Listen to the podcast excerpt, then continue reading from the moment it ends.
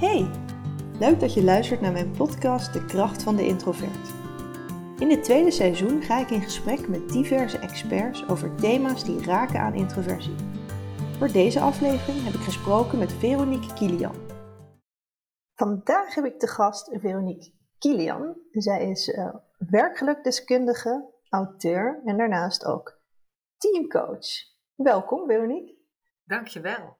Ja, je hebt een, een aantal boeken geschreven natuurlijk. Uh, meest recente leiding geven aan zelforganisatie, een paradox. Klopt. Daarin zit natuurlijk enige raakvlak ook mijn, mijn eigen thema introvert leiderschap. Je hebt een hele aanloop gehad om, uh, om dat te gaan schrijven. Ik ben wel benieuwd, hoe is dat bij jou zo gekomen om over dit thema wat te gaan schrijven? Ja, leuke vraag. Um, ik ben altijd al geïnteresseerd geweest in teams. En vandaar dat uh, mijn eerste boek uh, over teamcoaching gaat. En uh, vervolgens heb ik me verdiept in werkgeluk. En daar is mijn tweede boek over geluk over gekomen. Hè? Um, geluk op het werk train je gelukscompetenties. Omdat ik erachter kwam dat je geluk kan trainen. En omdat je ook dus geluk niet alleen voor jezelf kan trainen, maar ook dat kan vergroten met anderen, dus ook in het team en in je organisatie. En um, op een gegeven moment dacht ik, maar er zijn ook teams die echt gelukkig werken en dan echt in het teamflow komen. En teamflow is wat ik in het eerste boek heb onderzocht. En toen ben ik daar meer me in gaan verdiepen. En toen ontdekte ik dat zelforganiserende teams hebben eigenlijk de hoogste staat van teamflow. Werken als het goed is, gelukkig. En toen dacht ik, nou, dat is toch wel heel gaaf. Als je teams kan vinden die gelukkig werken. En dat heet eigenlijk zelforganisatie, omdat een teamflow gewoon een heel sterk team bevat. Um, en over zelforganisatie bestaan er heel veel misverstanden. Gaat het heel vaak ook mis in de organisaties. Dus ik uh, kom geregeld organisaties tegen die van, laat ik zeggen, zelfsturing weer teruggaan naar zelforganiserende teams met een leidinggevende erbij. En um, die, die, die, mijn drive is eigenlijk hoe krijg je de maximale creativiteit naar boven in een team? En hoe krijg je dus een team in teamflow? En ik denk ook dat dat uh, een belangrijk antwoord is op de uitdagingen die we nu hebben in deze tijd, in deze wereld. Het klinkt misschien heel groot, maar voor mij is het zeg maar het dichtste bij als ik met teams kan werken. En hun kan helpen om door verschillende teamfases heen te komen. Of door de worstelingen die het met zich meebrengt om naar teamflow te gaan. Ja, mooi, mooi. En je gebruikt ook nou ja, verschillende elementen om dat te omschrijven in jouw boek. Hè? Um, wat is daar de, de achtergrond bij? Uh, ik heb inderdaad in uh, mijn laatste boek de vijf elementen uh, beschreven, omdat het een hele mooie manier is om balans te beschrijven. Ik ben zelf sinds 2009 bezig met de actieve beoefening van Taoïstische meditaties. en daar zitten ook oefeningen in, daar zit vechtkunsten in, er zitten heel veel um, bruikbaar materiaal in. Wat ik in mijn dagelijks leven gebruik, maar ook als professional. Maar dat doe ik veel meer op de achtergrond.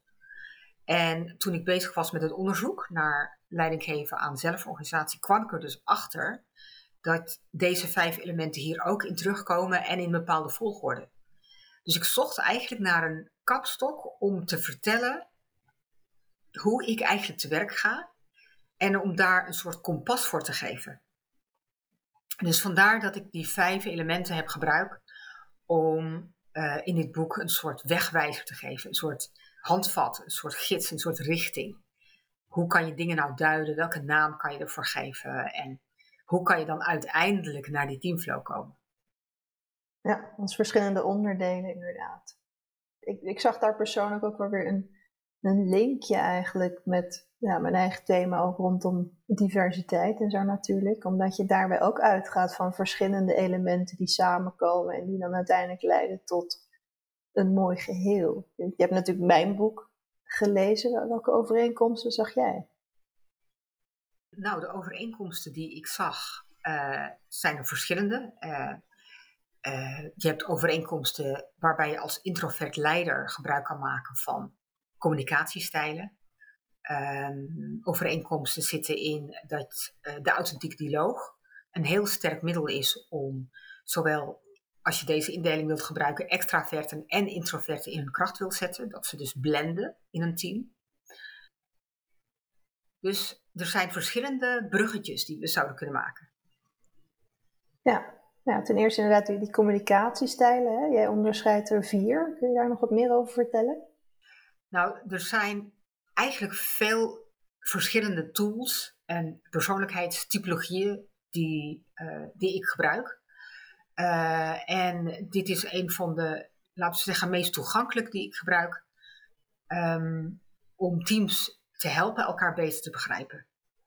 En oorspronkelijk komt het uit een ander model, waarbij dit model uh, gebruik maakt van de woorden passief en dominant. En toen ik dat oorspronkelijke model gebruikte om teams te helpen, merkte ik dat het een enorme lading heeft. In een team wil niemand dominant mm -hmm. zijn en ze willen ook zeker niet passief zijn. Ja, want dan lijkt het net alsof je niks doet. Dus die twee woorden gaven heel veel weerstand, onnodige weerstand. Uh, en hoe ik gezien heb hoe deze mensen die die vier communicatiestijlen laten zien, zich meer bewegen in een team, is dat degene die dan zogenaamd dominant worden genoemd, dat het meer de initiatiefnemers zijn. En dat de mensen die zogenaamd passief worden genoemd, dat, dat heb ik de secondanten genoemd. Want zonder deze secondanten zullen de initiatiefnemers struikelen over details die wel cruciaal zijn. En de kunst is het, vind ik, om uh, te kijken welke communicatiestijlen in een team aanwezig zijn. En vervolgens om te ontdekken hoe zij elkaar kunnen versterken. Uh, ik heb een voorbeeld gegeven in mijn boek, uh, waarbij ik een team begeleide, waarbij het team een beetje uit elkaar viel. Dus de mensen die de initiatiefnemers waren in dit zelfsturende team. Dit was een team waarbij er wel een leidinggevende was. Maar deze leidinggevende deed het tegenovergestelde van wat ik, laten zeggen, adviseer bij leidinggeven aan zelforganisatie, namelijk heel erg op de handen zitten. Dus die liet het team ook heel lang aanmodderen. En uh, de initiatiefnemers namen steeds meer initiatief. En de secondanten, die gingen steeds meer achteruit hangen. Dus er ontstond een verwijdering. En toen ik eenmaal duidelijk had gemaakt wat de bedoeling is en de intenties van de initiatiefnemers, en duidelijk had gemaakt wat de kracht is van deze secondanten, gingen de secondanten meer hun kracht pakken en gingen de initiatiefnemers meer afstemmen. Dus die balans terugbrengen is echt cruciaal. Maar dat was vooral ook in dit team uh, aan de hand. Hè? Ja, en daar, nou ja, binnen die stijlen benoem jij ook de meer introverte en extroverte stijlen. Hè? Daar is ook een, een linkje. Ja, klopt. Als je uh, daarop voorborduurt, je hebt bijvoorbeeld een, een, stijl die veel meer introvert is, uh, die veel meer aandacht geeft aan de binnenwereld, zal ik maar zeggen. Dat zijn mensen die geneigd zijn om vragen binnen te houden die ze wel in hun hoofd hebben. Dat zijn mensen die echt goed nadenken voordat ze überhaupt iets zeggen en vragen stellen. Dat zijn mensen die vinden het niet fijn om in de spotlight te zitten. Dat zijn mensen die het fijner vinden als je, als je een beloning geeft, dat bij wijze van spreken aan de zijlijn doet en dan iets kleins. En zijn mensen die jou de tijd willen geven. En dan is het dus echt heel goed om te ontdekken wat de persoonlijke behoeften zijn hè? van zowel deze mensen als bijvoorbeeld meer extraverten. Uh, ik ben zelf wat meer extravert. Mm-hmm. En uh, ik weet nog heel goed dat uh, bijvoorbeeld ik kwam terug van een hele lange reis en ik had een vriendinnetje die mij eerst wilde laten landen voordat ze mij opzocht. Terwijl het mijn behoefte zou vervullen als zij op Schiphol zou staan, bij wijze van spreken met zo'n zo'n zo'n poster met welkom thuis. Dus, dus ja, dat zijn hele tegenovergestelde behoeftes. Als, als zij dus terugkomt van uh, een reis, dan zou ik mezelf moeten bedwingen om niet al te enthousiast haar te gaan onthalen op Schiphol. En haar eerst te laten landen voordat ik haar iets stuur. Ik zou bij wijze van spreken nog beter een brief kunnen sturen met welkom thuis. Ik hou er zelf heel veel van om kaarten te sturen. Dus een kaart sturen met welkom thuis. En dan na één of twee mhm. dagen uh, haar te vragen van, goh, hoe ver ben je? Ben je al genoeg geland? Vind wanneer vind je het fijn om weer contact te hebben? Dus het, dat, dat afstemmen uh, is heel belangrijk. En tegelijkertijd ook verantwoordelijkheid nemen voor je eigen behoeftes. Hè? Dus uh, als ik die omgekeerd, hè, als ik terug zou komen van een lange reis en ik zou op Schiphol staan, dan zou ik mijn behoeften kunnen of moeten organiseren door mijn vrienden die dat leuk vinden te vragen van, goh, zullen we dat vieren dat ik terug ben en dan meteen afspreken? Uh, terwijl uh, ik misschien van tevoren even afstem met de vrienden die meer introverter zijn. Ja. Hoe, hoe ben je daarachter gekomen, achter dat verschil? Nou, ik ben gespecialiseerd in persoonlijkheidstypologie. Uh, en voor mij begon het verschil heel duidelijk te worden toen ik me specialiseerde in de MBTI. De MBTI heeft vier dimensies en een van de dimensies is introvert-extravert. En um, omdat ik daarin ben gecertificeerd, weet ik dat het niet alleen maar gaat over um, of je veel of weinig praat. Eigenlijk gaat het daar juist niet over. Het gaat vooral over uh, hoe je oplaadt of niet. En ik heb in mijn trainingen en in mijn teams ook best wel veel mensen gezien, ontmoet, die, laat ik zeggen, geboren introvert zijn en geleerd hebben om zich extravert te uiten. Alsof extravert dus in de maatschappij meer wordt gewaardeerd. En uh, omdat ik trainingen gaf uh, en coachingen uh, over persoonlijk leiderschap, is het voor mij belangrijk en ook voor de coachie om er bij zichzelf te kunnen zijn. Dus ook te leren en verantwoordelijkheid te kunnen nemen voor als je introvert bent. En dat persoonlijk leiderschap vanuit introvert leiderschap ja. op te pakken. Ja, en ook om die twee groepen dus wat meer bij elkaar te brengen hè, met die authentieke dialoog. Wat moet ik me daarbij voorstellen? Hoe ziet dat eruit? Uh, de authentieke dialoog kwam ik eigenlijk voor het eerst tegen uh, op een internationaal congres. En uh, dat is een congres wat georganiseerd wordt door Jan Sieter, een internationaal netwerk voor mensen die zich specialiseren in intercultureel management. En er kwam een professor van een Duitse universiteit met een Japanse achtergrond. En die introduceerde daar wat toen nog in het Duits genoemd werd, of in het Engels, dialogue process. En um, daarin zaten we in een cirkel en er was een bal in het midden. Uh, en degene die de bal pakte, die sprak. En als niemand sprak in deze cirkel, dan lag de bal weer in het midden. En de, de authentiek dialoog heeft eigenlijk drie rondes. De eerste ronde is de bal gaat rond, iedereen spreekt. Aan de hand van een bepaalde vraag, dan noemen ze een check-in. Dan de tweede ronde is de dialoog zelf. Hè. Dan ligt de bal in het midden en wie spreekt, die legt de bal, die pakt de bal en, spreekt niemand. Dan ligt de bal in het midden en is het stil. En uh, de derde ronde gaat de bal weer rond en dan kun je nog terugkijken op die dialoog. En vrijwel onmiddellijk tijdens die dialoogproces, eigenlijk de voorloper van wat ik genoemd heb, de authentiek dialoog, ontstond er een band in die groep. In deze internationale groep van mensen die van allerlei nationaliteiten kwamen. Zowel Japanners als mensen uit verschillende landen in Europa, als uh, nou ja, Canadezen, Amerikanen. Dat vond ik al heel bijzonder. En het tweede was dat er een voedende stilte ontstond toen de bal in het midden lag, omdat niemand spreekt. Dus die, die diepte in die stilte vond ik ook heel indrukwekkend. Nou, er waren meerdere congressen. Uh, ieder jaar een congres in die tijd. En meerdere keren kwam deze Japanse mm uh, professor uit Duitsland de authentieke dialoog faciliteren, of eigenlijk dialoogproces. En vervolgens uh, ben ik daarmee aan de slag gegaan in verschillende teams. En ik heb bijvoorbeeld één team 2,5 jaar begeleid, een ander team 2 jaar. Dat was allemaal onder het mom van intervisie. En elke keer als ik de authentieke dialoog toepaste, dan zag ik resultaten bij dat team. In korte tijd is het een soort van katalysator, mits je de juiste fases ziet, de juiste interventies doet, die past bij die fase en die past bij het team. Mhm. En dat ben ik gaan opschrijven in dat eerste boek, hè, Teamcoaching in Visie met de Authentiek Dialoog.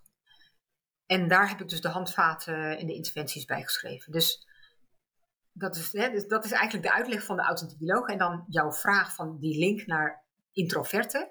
Mm tenminste, ik neem aan dat je dat leuk vindt om. Uh, Ten eerste, de, als, als een team zover is dat ze met stilte samen kunnen zijn, dan is dat ook voor de introverten vaak een verademing.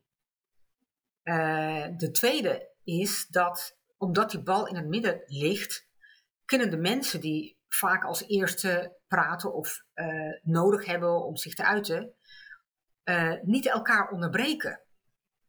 Dus um, er is een automatische vertraging eigenlijk.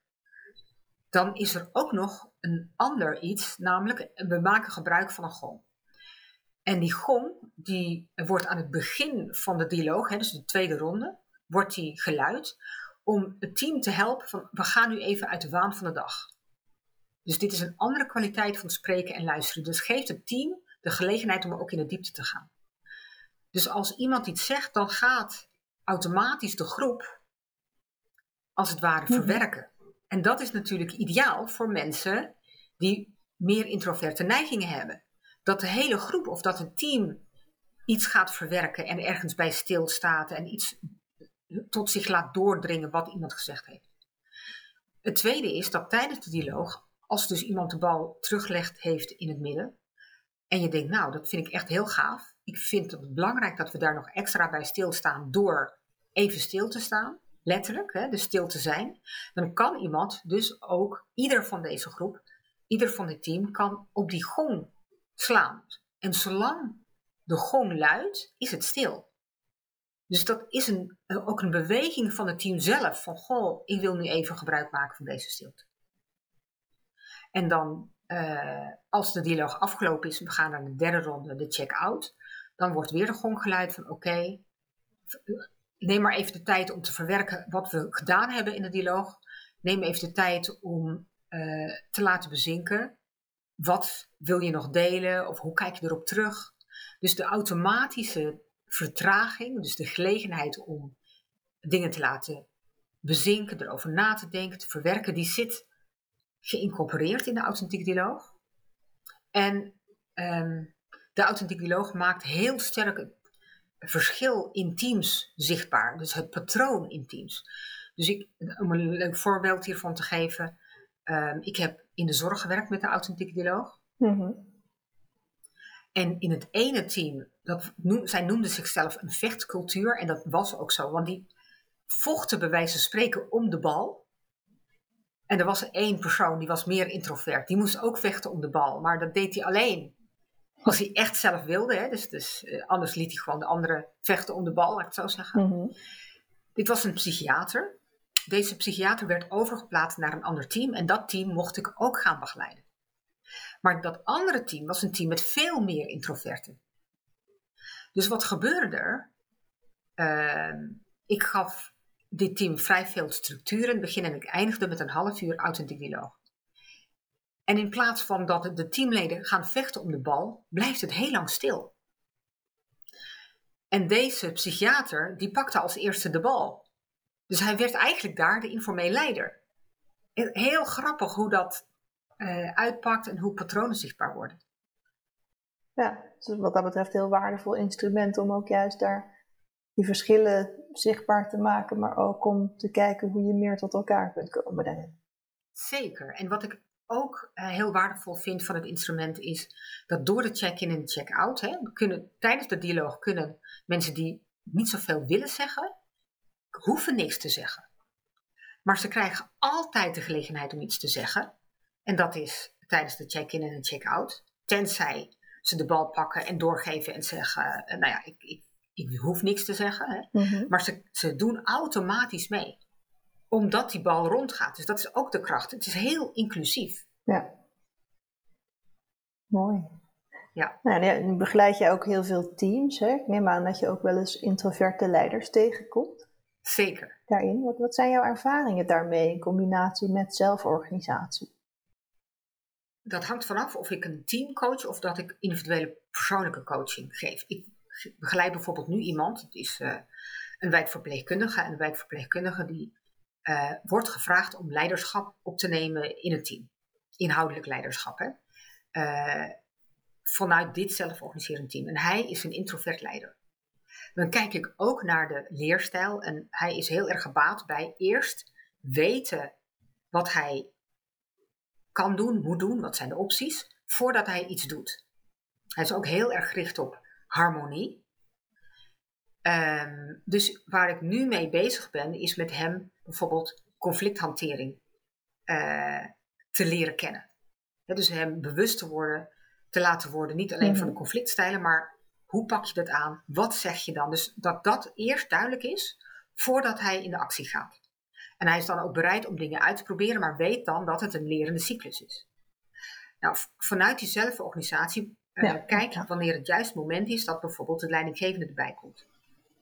En welke gesprekken is handig dat hij dat doet vanuit zijn eigen kracht? En welke gesprekken, als het bijvoorbeeld een tweegesprek is met een collega, is het handig dat of ik erbij ben, of dat hij het zelf doet, of dat de leidinggevende erbij is. Dus dat hangt ook een beetje af van de fase waarin dit team groeit naar teamflow. Want er is nog geen teamflow in dit team.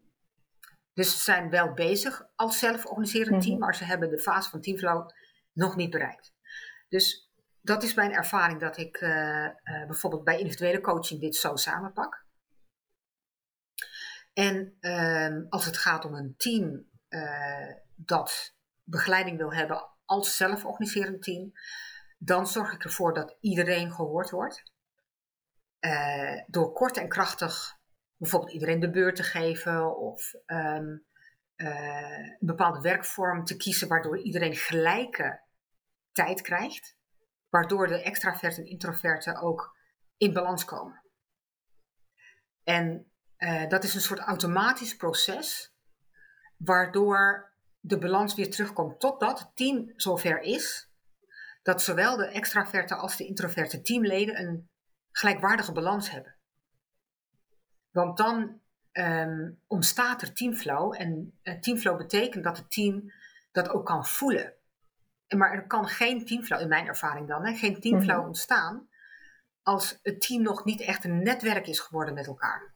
En dat er een subgroepje is van mensen die de hele tijd het hoogste woord hebben en de anderen die denken, nou ja, ik, ik, uh, ik hou nu maar even mijn mond. Want dan doe je als teamlid uh, niet mee. Hè? Ergens zijn er dan teamleden die zich terughouden, of misschien zijn er extraverten die van alles zeggen, maar eigenlijk niks zeggen. Dat kan ook nog.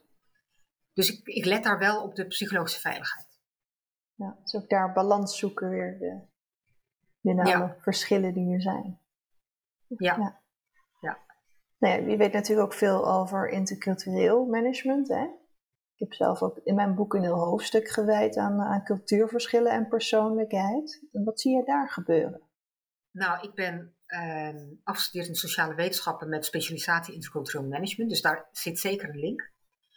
Uh, en als ik kijk naar cultuurverschillen, zijn er inderdaad culturen waarbij uh, het gebruikelijk is om veel meer stilte te laten vallen, veel rustiger te praten en elkaar absoluut niet te onderbreken en tijd te geven. Terwijl er ook culturen zijn waarbij je elkaar, laten we zeggen, moet onderbreken, omdat als je elkaar niet onderbreekt, dan is dat een teken van desinteresse.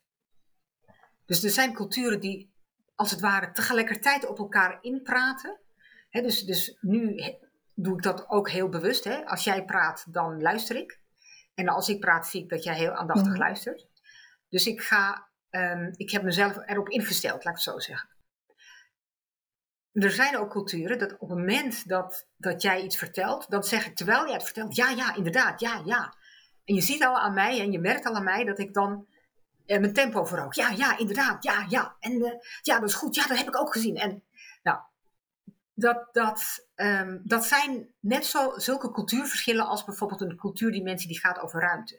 Je ziet wel eens in culturen mensen heel dicht op mhm. elkaar staan. En je ziet culturen waarbij mensen automatisch meer ruimte nemen met elkaar en tot elkaar. Nou, en dat is een onbewust iets Ja, ja. Over wat voor culturen heb je het dan? Ehm, nou, je ziet inderdaad bij uh, sommige Aziatische culturen dat je heel erg moet filteren wat er gezegd wordt, want dat zijn veel indirecte hints. Hè, dat noemen ze een high context cultuur. Er is een communicatiestijlenas waarin je dus kan zien, dat noemen ze lineaire culturen, waarbij uh, als de een praat, de ander mond houdt. En waarbij het ook echt onbeleefd is om de ander uh, in te breken. En er zijn ook culturen waarin de hiërarchie een grotere rol speelt. Dus als degene die hoger in rang is, om dat maar even zo te gebruiken, dan mag je al zeker niet onderbreken. Ja, en hoe zit dat dan in Nederland? Ja, in Nederland gaan we uit van gelijkwaardigheid. Hè? Gebruikelijk is wel dat mensen elkaar laten uitspreken. Uh, maar het is, het is ook niet zo dat als in een team de extraverten eerst iets zeggen en, en erover praten, uh, dat dat als een overtreding wordt gezien.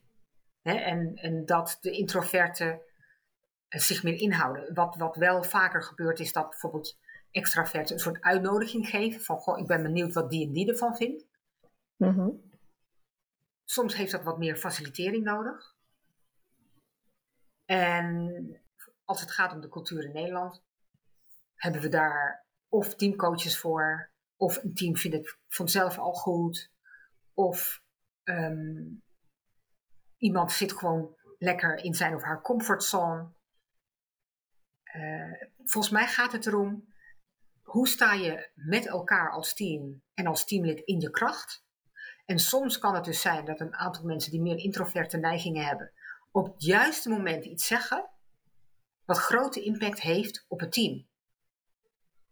Nou, en dat is wat je wil eigenlijk, hè, als het gaat om die balans. Ja.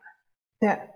En, het, het, en ik denk dat de kracht van kwetsbaarheid, um, daar kunnen zowel extraverten als introverten van leren. Maar die laten het op een andere manier zien.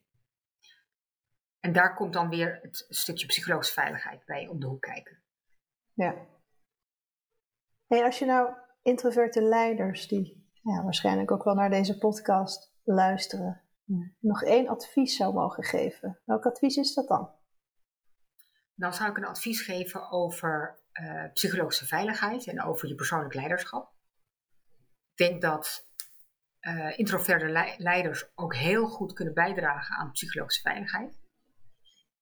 Uh, juist door hun persoonlijke groei, hè, dus door te leren zichzelf meer te delen, daar ontstaat psychologische veiligheid in.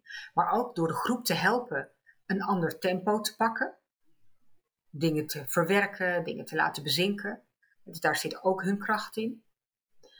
Um, en door zich te verdiepen in breinwerk. Hè, wat er beschreven is, uh, dat als je je hogere brein kan aanzetten, uh, dat het je heel erg helpt om zelf, het zelfsturend vermogen te blijven volhouden. Maar ook uh, een team te helpen met elkaar zelforganisatie te scheppen om dan naar teamflow te gaan. Dus zorg dat je voldoende hebt om op jouw manier je eigen brein te vullen en te voeden. Mooi, mooi advies. Ja, ik heb er een heleboel nieuwe dingen geleerd, dus uh, bedankt voor het leuke gesprek vandaag. Nou, super eh, graag gedaan. Ik vond het ook heel leuk om uh, uh, met jou te spreken en jouw vragen te krijgen en zelf, laten we zeggen, meer af te stemmen op jouw introverte leiderschap. En op die manier ook dit gesprek te doen. Dit was het verhaal van Veronique. Vond je haar verhaal interessant? Zorg dan dat je je abonneert op deze podcast, zodat je direct een seintje krijgt wanneer er een nieuwe aflevering. Wil je zelf een keer te gast zijn? Neem dan gerust contact met me op. Tot de volgende keer!